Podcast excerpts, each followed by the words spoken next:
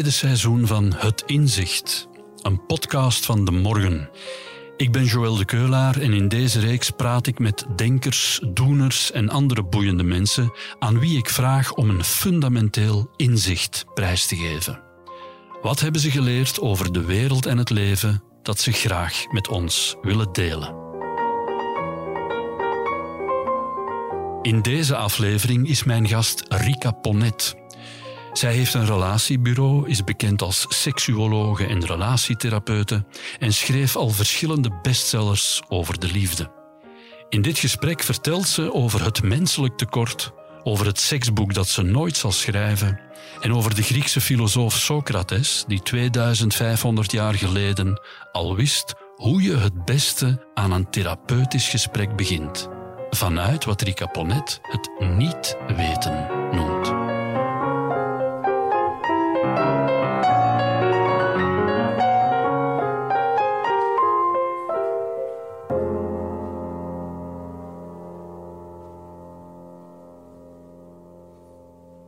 Rika Ponet, welkom in onze podcast, Het Inzicht. Mag ik voorstellen dat we elkaar tutoyeren? Absoluut. Wij kennen elkaar ook al. Dan gaan we dat doen. Ja. Rika, ehm, Vlaanderen kent jou natuurlijk. Je bent seksuoloog, relatietherapeute. Je hebt een relatiebureau ook. Je hebt uh, boeken geschreven. Blijf bij mij, alleen met jou. Mhm. Boeken die veel van onze luisteraars zullen kennen en gelezen zullen hebben. Mijn vraag aan jou is dezelfde als die aan alle andere gasten in deze podcast. Is er een inzicht dat jij uit je leven en werken gedestilleerd hebt, zal ik maar zeggen, waarvan je denkt dat wil ik wel eens met iedereen delen? Mhm. Kun je dat beknopt even vastpakken en formuleren? Ja, op zich vind ik dat een hele moeilijke vraag, omdat er zoveel dingen zijn die je in de loop van je leven en je werk, en ondertussen ben ik 54, dus ben toch al een tijdje bezig, of ik heb al wat jaren op mijn teller, Ehm, dingen die je dus oppikt, meeneemt, gebruikt, toch ook weer verlaat. Hè, dat heb ik ook gemerkt.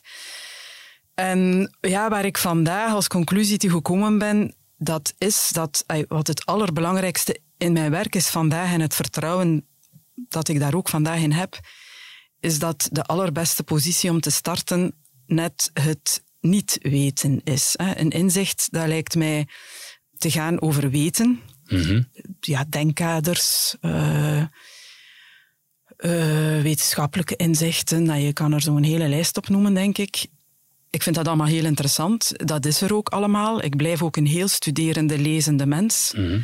Ehm, maar ik vind als basishouding, en dat is een houding die, die ik hoe langer hoe meer aanneem, het niet weten of vertrekken vanuit het niet weten een heel belangrijke. Omdat, Wanneer neem je die aan, die houding?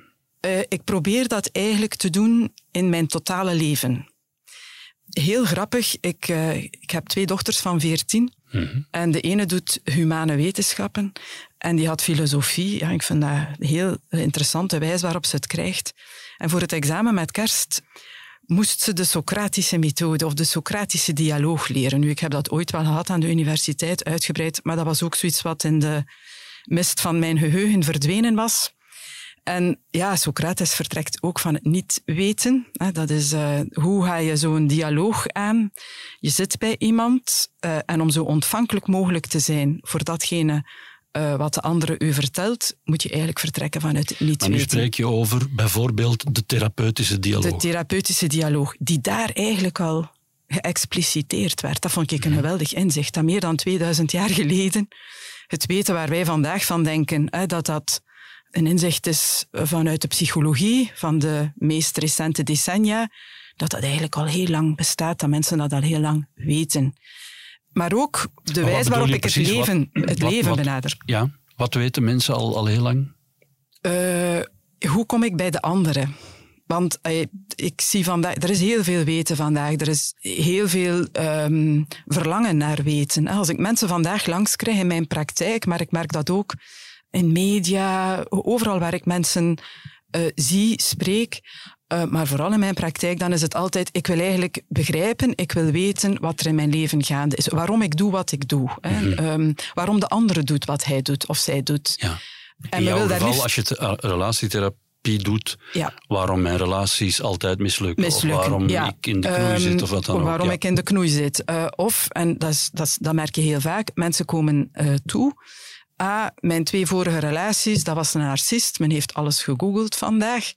Uh, er is direct een etiket. En daar waar eigenlijk... Een narcist? Een narcist, ja. ja, okay. ja. De andere is een narcist of een autist. Vrouwen zijn daar nogal heel goed in om direct dat etiket te kleven. En dat is dus de reden van, ja, van de scheiding, of de reden waarom het niet goed gaat, of de reden waarom ik ongelukkig ben. En hoe kan ik er nu voor zorgen? Hè? Want kijk, dat, zijn de, dat is de diagnose. Dat, is, dat zijn allemaal de elementen die ik teruggevonden heb. En daar beantwoordt hij aan.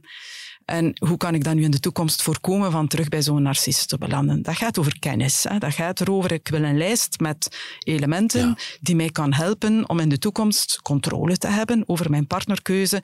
En als ik daar controle over heb, dan zal ik gelukkig zijn. Dat soort van discours. En wat zeg je dan? Ah, dan zucht ik altijd eens zoals ik nu doe. En dan de interessantere vraag is, oké, ik, ik, eh, ik, wil dat best accepteren, dat uw partner een narcist was, maar wat zegt dat dan over jou? Waarom ben jij voor die narcist gevallen? Wat zegt dat nu over jou? En dan zie je dat dat meestal stilvalt.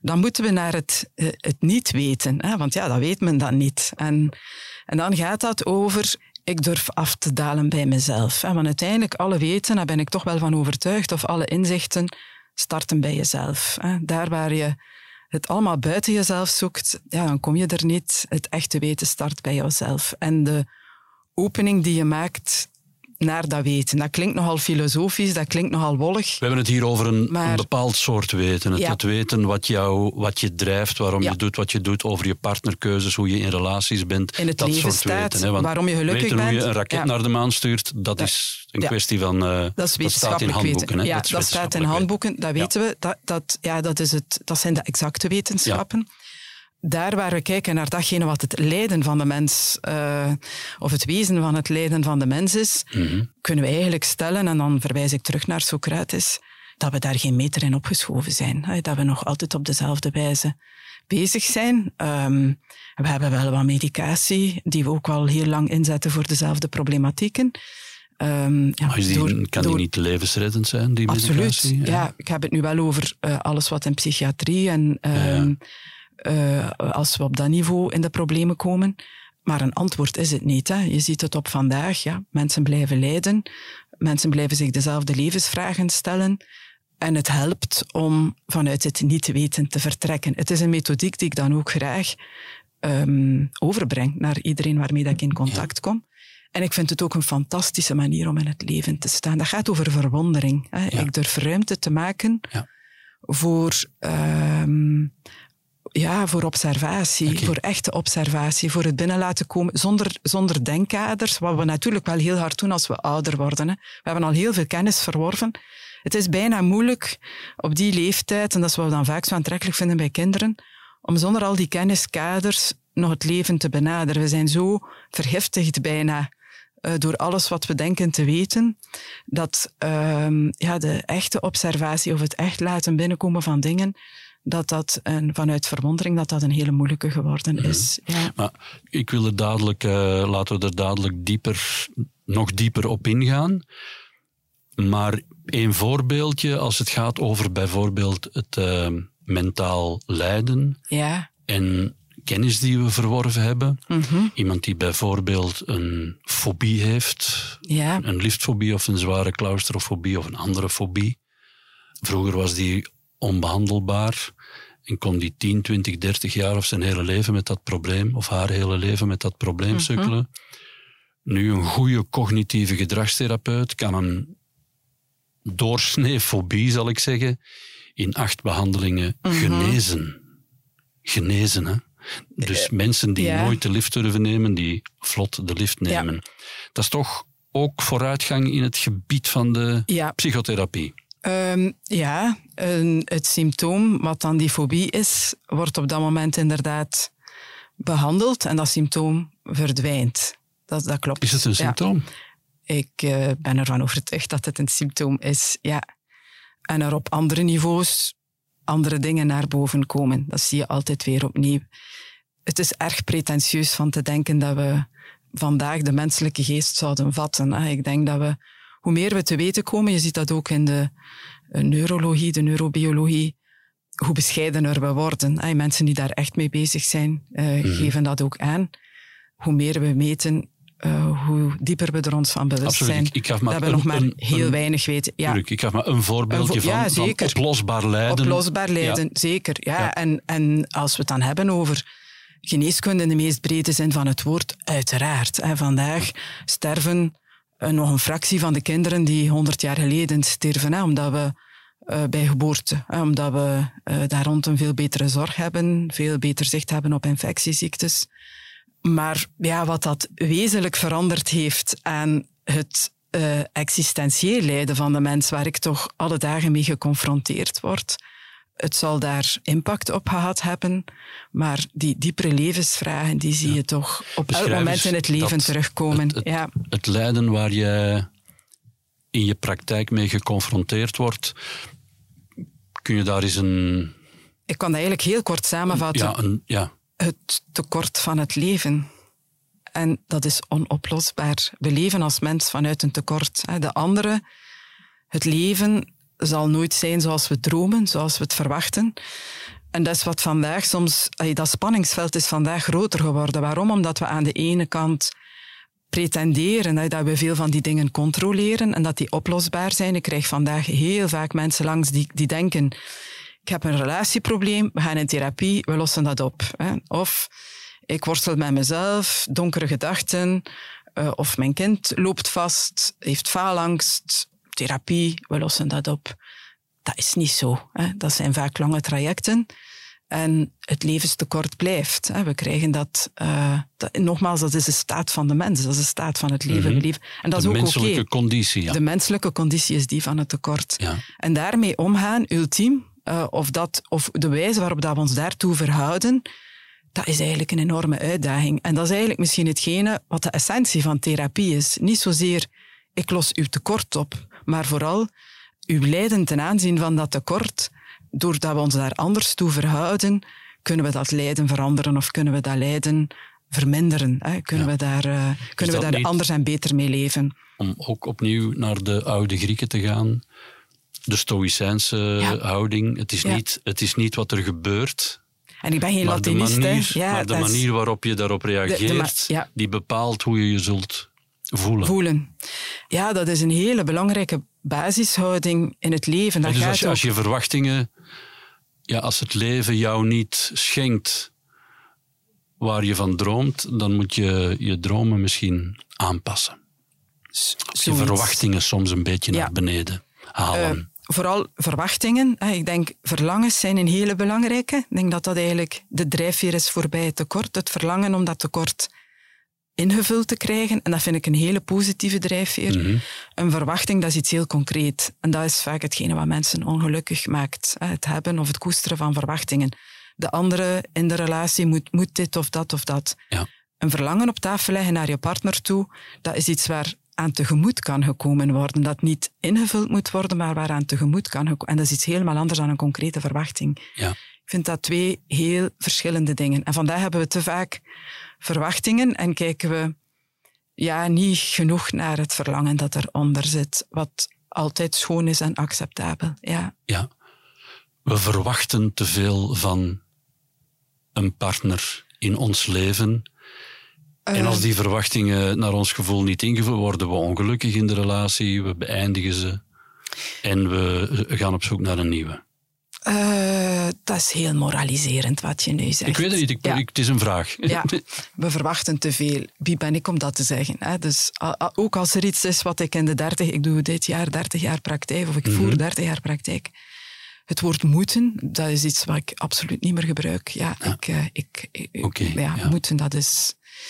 En ik probeer heel, heel erg weg te blijven van alles. Ik vind moraliteit in wat ik doe een sta in de weg. Dat werkt niet. En ik merk dat ook als we kijken, eh, dat gaat over rationaliteit en moraliteit. Dat is ehm, eh, dat als we de rationele logica hanteren in wat mensen met elkaar doen in relaties, of ook met zichzelf, dat we er gewoon niet komen. We geraken er niet.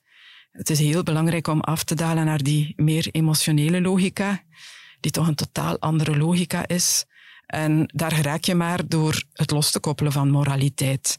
Heel vaak merk ik dat als mensen bij mij komen, ze vooral heel erg ontlast zijn, omdat ze voelen, wat ik hier ook vertel, al mijn innerlijke tegenstellingen, de dingen waar ik mee worstel, waar ik zelf van vind dat ze niet kunnen, dat ik het anders zou moeten, dat ik dat hier gewoon in al zijn complexiteit op tafel kan leggen. En elk gedrag dat ik stel, elke gedachte die ik heb, dat die hier gewoon geaccepteerd wordt voor wat ze is. Hmm. Dat is voor velen al een ervaring van ik word begrepen of ik word erkend in wat ik werkelijk ben als mens. En dat is vandaag een, een hele moeilijke. Ik denk dat er meer dan ooit, terwijl we ons bevrijd hebben van de kerkelijke moraal of van heel veel morele denkkaders, ik denk dat het bijna nog nooit zo dwingend geweest is, het mensbeeld, als dat vandaag Welke is. Welke ja. morele regels zie je ze vandaag? Ze zijn ongeschreven, hè? Mhm. maar neem nu nog maar sociale media. Ja, en ik zie dat ook bij de jeugd die bij mij in huis rondloopt. Mhm. Wat daar aan ongeschreven wetmatigheden leeft en heerst, dat is een dwingend kader. Dat is onwaarschijnlijk. Ik vind dat onwaarschijnlijk. Ah ja, wat je wel en niet Wat je wel en niet kunt, mag doen. Hoe dingen kunnen geïnterpreteerd worden. Hoe snel men zich niet bij de groep horend ervaart. Uh, wat men moet doen om bij die groep te horen. Dit is van een enorme complexiteit en het is bijzonder dwingend. Het zorgt ervoor dat dat eh, veel faalangst en veel verlamming met zich meebrengt, ook heb ik al het gevoel. Ik vond dat wij, eh, we zitten in dezelfde generatie, mm in alle eerlijkheid veel meer speelruimte hadden. Ik merk dat ook in, in seksualiteit, in het ontdekken van uw seksualiteit. Ja, inderdaad, bij ons waren er heel wat regels die heel inperkend en dwingend waren. Maar dat waren algemene regels. En in het dagdagelijkse bestaan hadden wij toch nog wel behoorlijk wat vrije speelruimte, waar niemand kwam en waar niemand je zag. Vandaag is dat eigenlijk niet meer het geval. Hè? Als je dat heel concreet bekijkt. Het ging recent met de kinderen over een leeftijdsgenoot van hen die een dikpik verstuurd had. Hè. Oh jee. Ja, op vraag van dat meisje. Een veertienjarige jongen. Een jongen had dat dan gedaan. Ja, ik hoef je niet uit te leggen of ik hoef het niet voor te tekenen. Die meisjes delen dat met elkaar. Ja, meisjes vandaag zijn niet de meisjes van 50 jaar geleden. Uh, vinden dat hilarisch. Dat wordt uitgebreid besproken. De kwetsbaarheid die daarin zit. Och, arme die jongen, denk ik dan. ja. En want vandaag zien we dat dan als, ja, dat is toch grensoverschrijdend en dat mag toch niet. En ja, zij had het wel gevraagd, dus ja, dan is het ook niet strafbaar. En dan wat doet zij daarmee? Hè? Dat is... Um, dat bedoel ik qua speelveld. Vroeger, als jij je broek afstak achter een struik en je toonde je piemel aan een, aan een meisje, dan bleef het ook daar. Er bestaan geen beelden Er bestaan geen beelden van. Hè? Vandaag ligt dat allemaal vast en wordt dat allemaal gedeeld. En dat maakt jou zo kwetsbaar. Waardoor het ook heel onveilig wordt. Eh, de ruimte, de publieke ruimte of het contact met de anderen. Ik denk dat dat eigenlijk hetgene is wat ja, zoveel mensen zoveel angst aanjaagt. Het gevoel, het is niet meer veilig om mezelf te zijn. Waar kan ik dan nog mezelf zijn? ja. Mhm. Laten we even terugkomen naar je inzicht, de positie van het niet weten. Die hanteer je dus als, als je als iemand binnenkomt. Als er iemand binnenkomt als je met iemand uh, in contact komt, ja. uh, je leert iemand kennen of wat dan ook, je, je, je in, ja. in sociaal omgang in, ook. In sociaal omgaan ja. en in wat intiemere uh, conversaties. hoe speelt dat nu bijvoorbeeld? Um, kijk, het was een tijdje geleden dat we elkaar hadden gezien. Ik heb mhm. een beeld van jou, omdat we al een paar keer gesprekken gehad hebben in het verleden. Ook al langere tijd samengezeten hebben. Maar mensen evolueren. En ik vind het dan ja, opnieuw heel interessant om... Ik ga daar nu naartoe en ik probeer zo weinig mogelijk wat ik daarover weet of wat ik weet over de persoon die ik nu vandaag opnieuw ontmoet, ja, met al mijn zintuigen de andere toe te laten. Ehm, dat is niet zo makkelijk. Ook voor mij blijft dat een dagelijkse oefening. Hè. Er zijn mhm. dagen dat mij dat ook beter lukt dan andere dagen. Waarom? Mhm. Eh, waarom hanteren wij onze denkkaders zo graag en uh, onze wetens? Dat is een vorm van comfort. Hè. Er is bijvoorbeeld aangetoond dat als mensen heel lang samenleven, ze eigenlijk elkaar, dat is een paradox, hè, minder goed kennen dan mensen die elkaar oppervlakkig kennen en elkaar bijvoorbeeld één keer per week spreken. Waarom? Als je elkaar één keer per week spreekt, dan blijf je actief en geïnteresseerd vragen stellen naar de beleving en het leven van de anderen. Mhm. Als je dag in dag uit met iemand samenleeft, dan ga je na verloop van tijd ervan uit dat je weet wat de andere denkt, voelt, Ah, waarom de andere de dingen doet zoals hij of zij ze doet. Dat is een enorme fout die heel veel... fout. Dat is een, een basishouding die heel veel mensen aannemen in een relatie. En waardoor ze na verloop van tijd, ze zijn 15 jaar samen, ze zitten bij mij dan omdat ze een gigantisch probleem hebben, ze vinden elkaar niet meer, ze leven naast elkaar, ze bevragen elkaar ook niet meer, op geen enkele manier. En als je dat daar dan installeert, of opnieuw eh, de verwondering naar de andere toe, of het zich echt openstellen, en dat wil zeggen, ik laat eens alles los wat ik over de andere denk te weten, en ik ga dat terug actief bevragen, Mhm. dan krijg ik echt reacties van, "Oh, maar ik wist ik dat niet. Ah ja, bedoel, dan denk je van, mensen leven bij jou als zitten koppels, ja. Mensen leven dan 15 jaar samen en weten soms zeer fundamentele dingen niet over, over elkaar. En dat is omdat men gestopt is met, met verwondering en met echte openheid en ontvankelijkheid de anderen te benaderen. Maar dat vergt een vorm van, bij jouzelf ook, ruimte creëren. Ja. En dat is geen makkelijke. Het is veel makkelijker om vanuit weten te vertrekken Ja. en direct iemand in uw denkkader te klasseren, dan te zeggen, de andere is uniek. En dat meen ik ook oprecht. Eh, tot op vandaag doe ik mijn werk nog bijzonder graag. Waarom? Omdat de verscheidenheid oneindig is. En uiteraard zijn er patronen, Mhm. maar het, is een, het blijft een uitdaging om niet vanuit die, dat, die denkpatronen te vertrekken, maar de mens die voor mij zit in al zijn uniciteit toe te laten en te benaderen. Ik vind het een buitengewoon fascinerend inzicht. Terwijl mijn eerste reflex was: wie kan er nu genot in scheppen om te vertrekken van het niet weten? Ik ben zo'n kennisjager en een lezer. En, Ja, en toch, ja, nee, ik, ik vind het buitengewoon. eh, ik ook. En waarom? Als je vanuit niet weten vertrekt, dan is uw ontvankelijkheid naar nieuwe wetens ook veel groter. hè. En eh, wat dan uiteindelijk ook de essentie is, denk ik, waar we allemaal, en dat is iets wat zeker ook met de pandemie en eh, de laatste jaren al maar meer in de picture is komen te staan, om gezond te blijven als mens, is onze grootste uitdaging vandaag, denk ik. Eh, Eenzaamheid is denk ik de grootste opdracht vandaag in onze maatschappij. Is het vinden van echte verbinding met de anderen. En als je vertrekt vanuit weten, dan beland je heel snel in een gepolariseerde staat van zijn, wat net niet tot verbinding leidt. Vertrekken vanuit niet weten is ook de meest verbindende manier van de anderen tegemoet te treden. Ja, en, Ja. eh, en dat vind ik een hele belangrijke. Laat eens al je wetens los over wat andere groepen doen in de maatschappij, hoe anderen denken.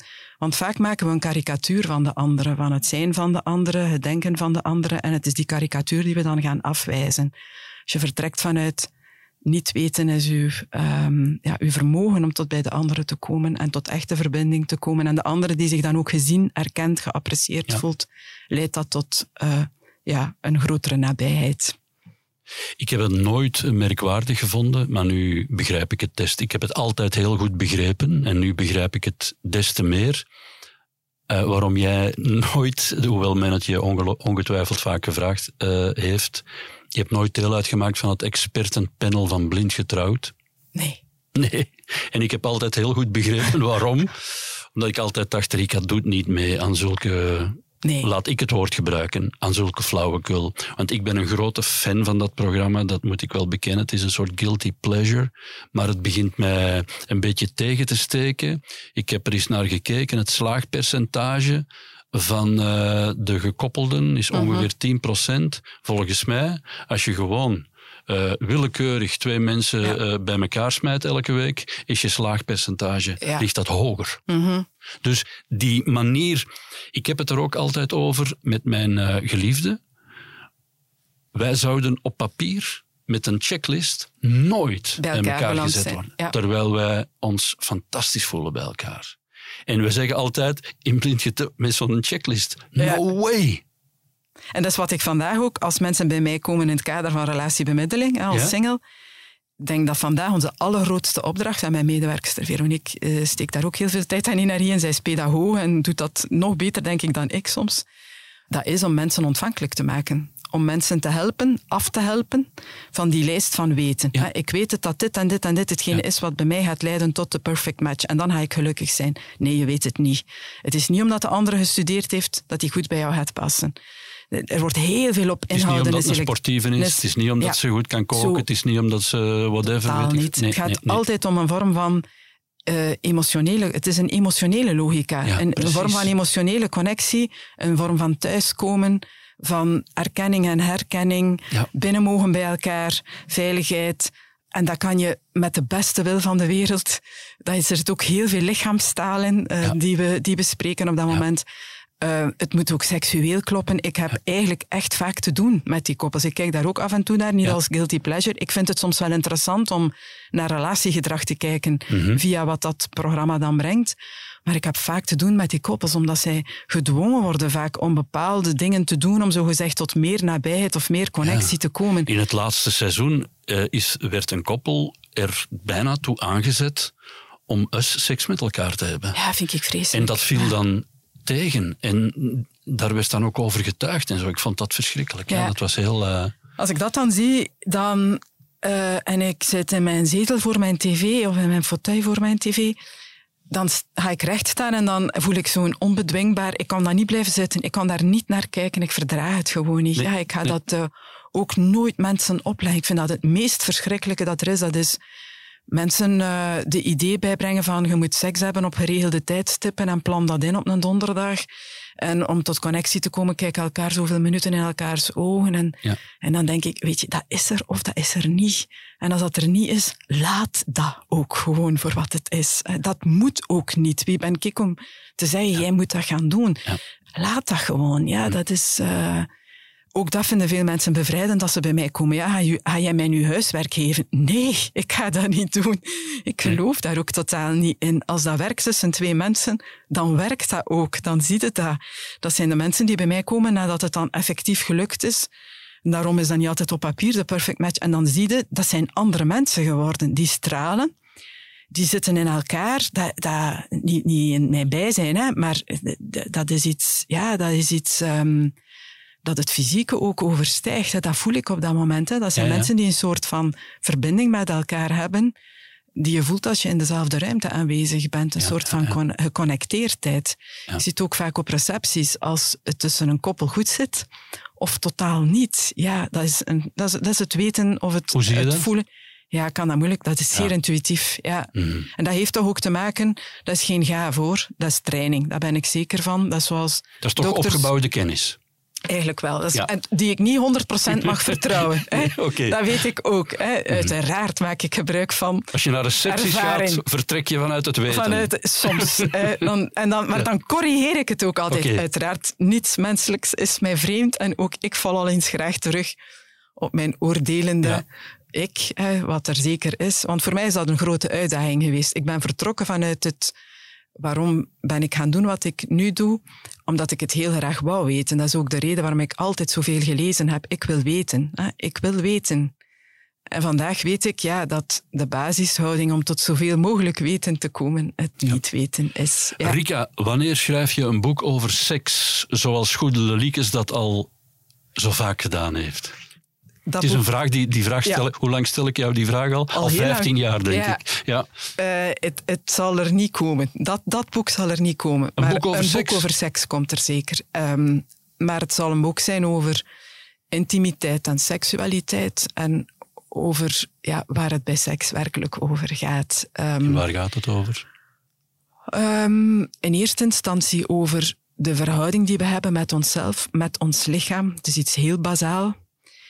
Uh, hoe kijken we naar het lichaam van de andere, de seksualiteit van de andere. En als het echt goed is, is het allermooiste wat er bestaat. Dat is het um, samenkomen in het lichaam van de vrouw. Uh, maar dat is niet een vrouw die ontvangt. Dat is, het lichaam van de vrouw is dan een ontmoetingsplaats.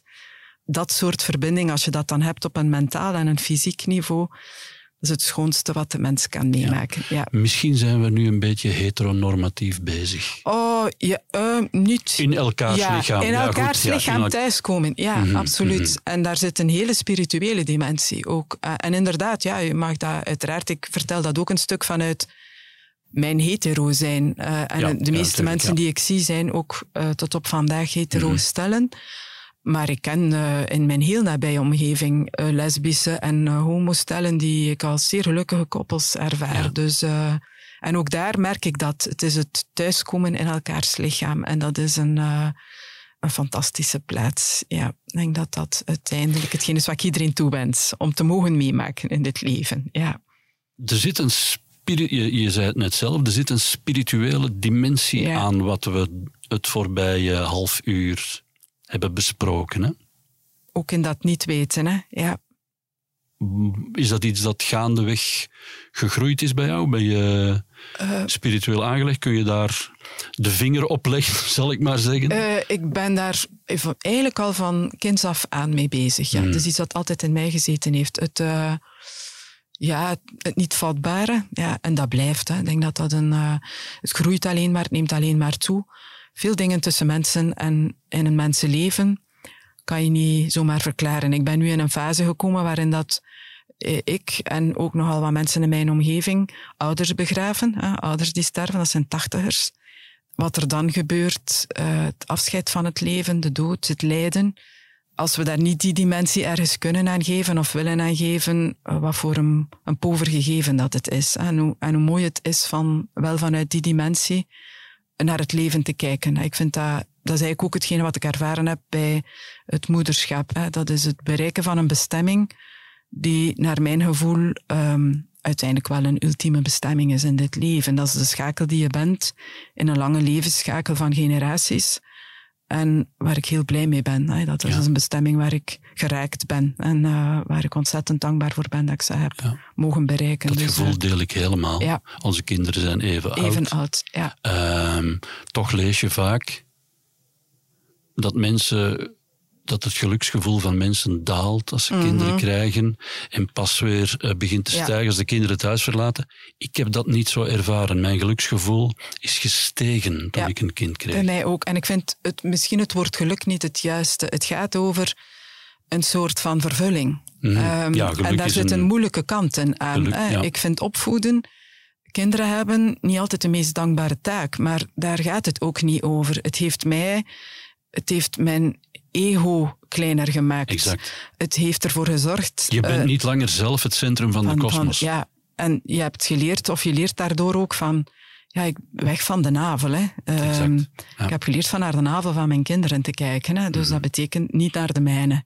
En vind ik een heel bevrijdende ervaring ook. Ik ben maar een kleine schakel in een lange levensschakel. En dat is wat zij mij bijgebracht hebben. En vandaag vind ik, ik leer ontzettend veel van hen. Ja, over, um, uh, ook over dat niet weten. Hè. Je ziet hoe kinderen opgroeien, al maar meer gaan weten.